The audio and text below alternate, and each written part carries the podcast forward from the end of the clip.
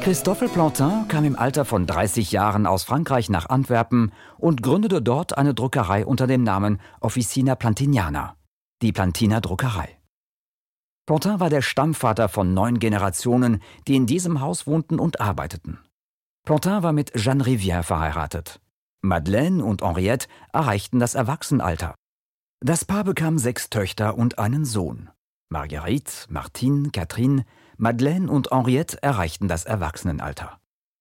Bei der Familie Plantin stand alles im Zeichen des Betriebs. Die Töchter erhielten eine gediegene Ausbildung. Sie halfen beim Verbessern der Druckfahnen oder in Plantins Leinen- und Spitzengeschäft, das er als Nebenerwerb betrieb. Auch bei der Heirat seiner Töchter behielt Plantin das Firmeninteresse im Auge.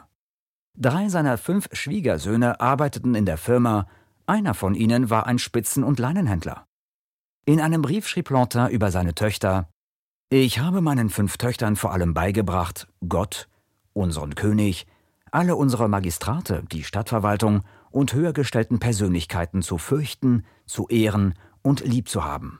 Ich habe sie auch gelehrt, ihrer Mutter im Haushalt zu helfen. Den vier Ältesten habe ich von klein auf gut lesen und schreiben beigebracht, so dass sie von ihrem vierten oder fünften bis ungefähr zu ihrem zwölften Lebensjahr beim Nachlesen der Druckfahnen in gleich welchem Alphabet und gleich welcher Sprache helfen konnten. Ich sorgte dafür, dass sie in den Freistunden und je nach Länge der Freizeit Nähunterricht bekamen, damit sie Hemden, aber auch Kragen, Taschentücher und andere Dinge aus Leinen anfertigen konnten. Während der ganzen Zeit habe ich sie sorgfältig beobachtet, damit ich beurteilen konnte, für welche Arbeit sie in Zukunft am besten geeignet waren.